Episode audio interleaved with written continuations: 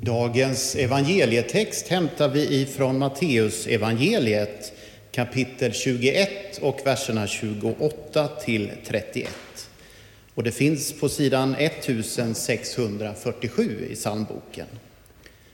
Jesus frågade, vad säger ni om det här? En man hade två söner. Han vände sig till den ene och sa, min son, gå ut och arbeta i vingården idag. Han svarade, nej, det vill jag inte. Men sedan ångrade han sig och gick.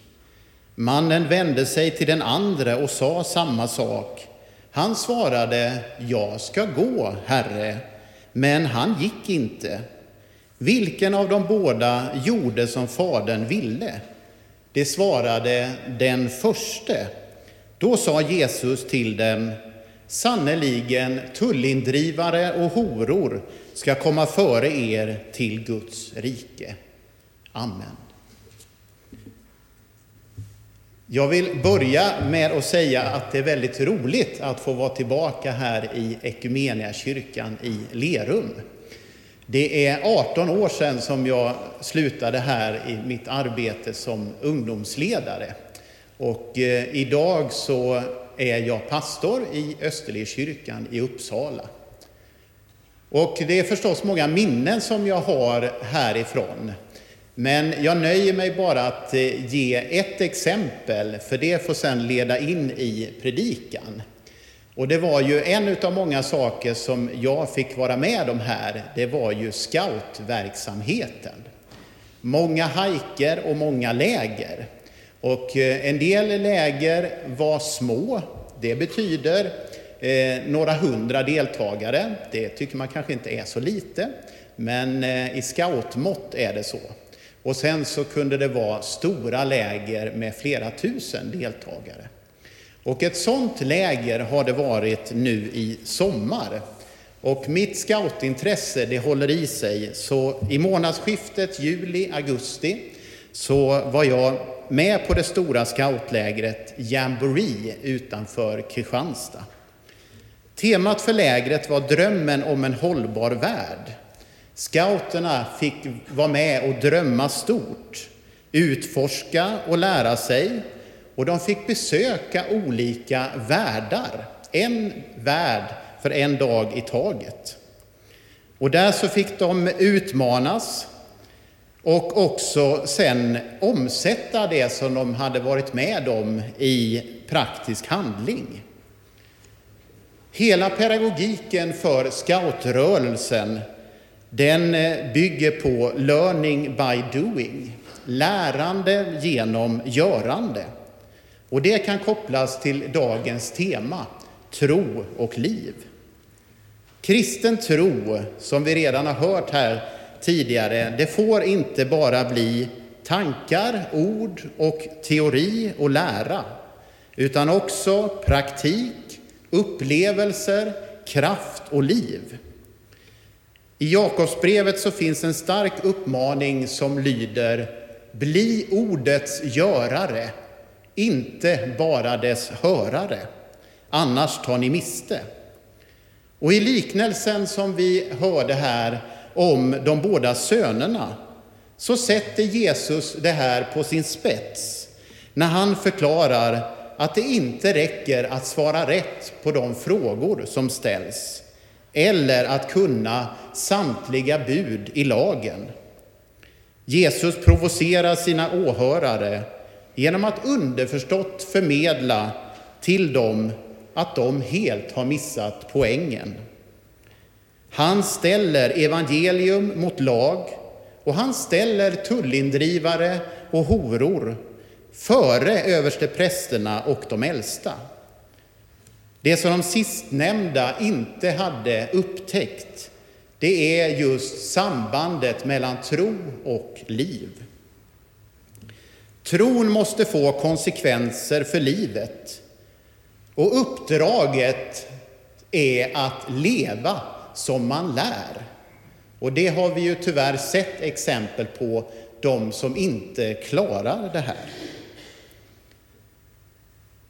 Eller som någon uttryckte det här, att kristen tro är inte religion utan relation med Jesus och med medmänniskan.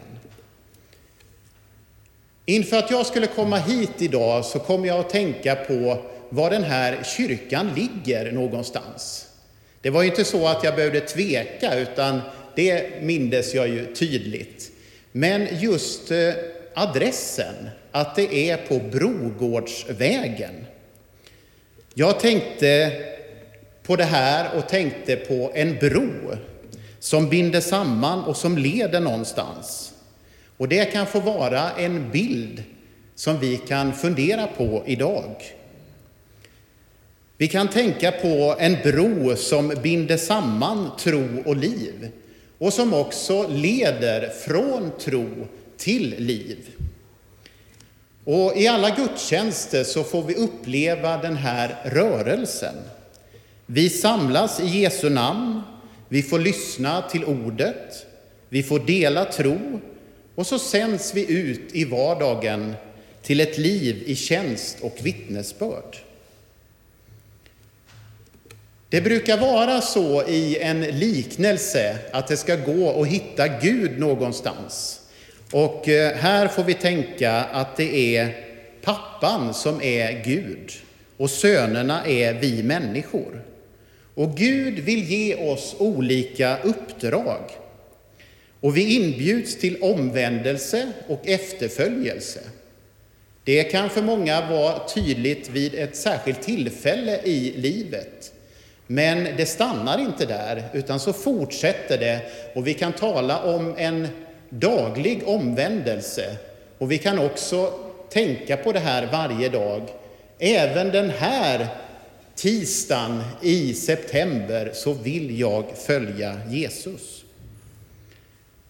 Och när då Gud kommer med sin fråga, vill du följa mig också den här dagen? Så har vi alltid möjlighet att svara. Vi blir inte tvingade till någonting, utan det ligger som en öppen fråga. Och svaret får bli ja eller nej. Och hur vill du svara på den här frågan? Vill du följa mig idag också?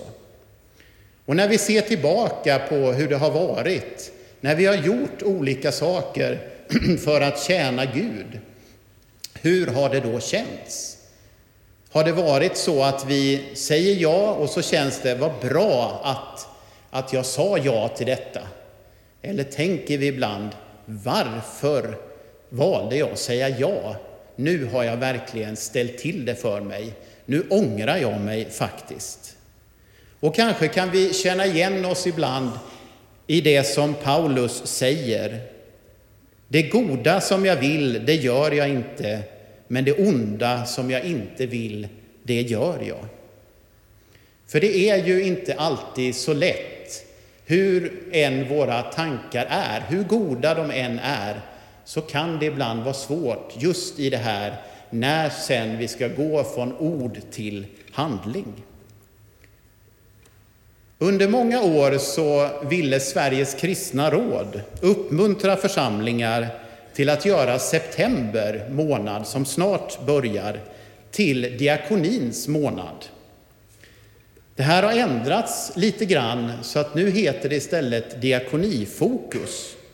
Och det här är för att ge en större frihet i valet av tidpunkt när man särskilt i sin församling vill uppmärksamma det diakonala arbetet.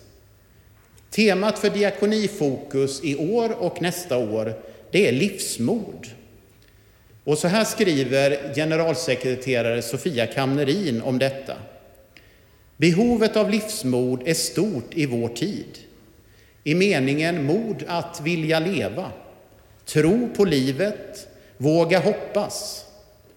Människors oro har ökat under coronapandemin. Och när klimatförändringarna blivit allt mer påtagliga, inte minst bland barn och unga, Idag står frågor om akut överlevnad i fokus. Människor ställer frågor om jorden kommer att bestå, om anhöriga eller de själva kommer att överleva. Frågor om liv och död ställs på sin spets. Det finns också andra anledningar till att livsmod blir aktuellt, som när människor far illa i nära relationer, när man tvingas att fly från krig och förföljelse, där naturkatastrofer inträffar, när man är orolig för om man ska få ett arbete någonsin, eller om man ska träffa någon att älska och att älskas av. Så långt Kamnerin. Diakoni, det är kyrkans tydligaste exempel på att översätta tro till lära till liv. Och det kristna budskapet, tänker jag, är i första hand befrielse för den som får ta emot det. Och ett sätt att vara ordets görare, det är att försöka ingjuta livsmod hos en medmänniska och skapa livsmod tillsammans genom en kärleksfull gemenskap. Den enskilda människan som har upptäckt det här sambandet mellan tro och liv kan just förmedla livsmod till andra. Och i en församling så kan vi få erfara den här känslan tillsammans. Den som i förväg har läst den här texten ifrån Bibeln, som eh, jag nu läste ifrån evangelieboken, upptäcker att eh, det är en vers som saknas. Varför fick man inte höra vers 32? Jag tänker att den vill vi inte missa. Så här står det i den. Johannes kom och han visade er vägen till rättfärdighet men ni trodde inte på honom. Tullindrivarna och hororna trodde på honom och ni såg det, men inte heller då ångrade ni er och trodde på honom. De judiska ledarna betraktade inte Johannes döparen som en profet. Och vi ser hur den pågående konflikten de hade med Jesus trappas upp. Om några veckor så är det val. Och då handlar det om att välja mellan olika politiska partier. Genom att berätta en liknelse om två söner så vill Jesus få sina åhörare att byta sida och ändra livsinriktning. Istället för att slå sig själv för bröstet och se ner på andra som han menade att eh, de här ledarna gjorde, som han i första hand talade till här, så vill Jesus erbjuda en helt annan väg och ett annat liv. Ett liv som är präglat av medmänsklighet och kärlek. Ett liv som är rikt, kanske inte i relation till pengar, men sett till innehåll och mening. Liten är stor i Guds rike. Du har väl hört att just de, minsta lär vara Guds like. Ser du det, hör du ett kom. Doppa och ät, tro på det ord som ger dig plats vid Guds bord. Doppa och ät, tro på det ord som ger dig plats vid Guds bord. Amen.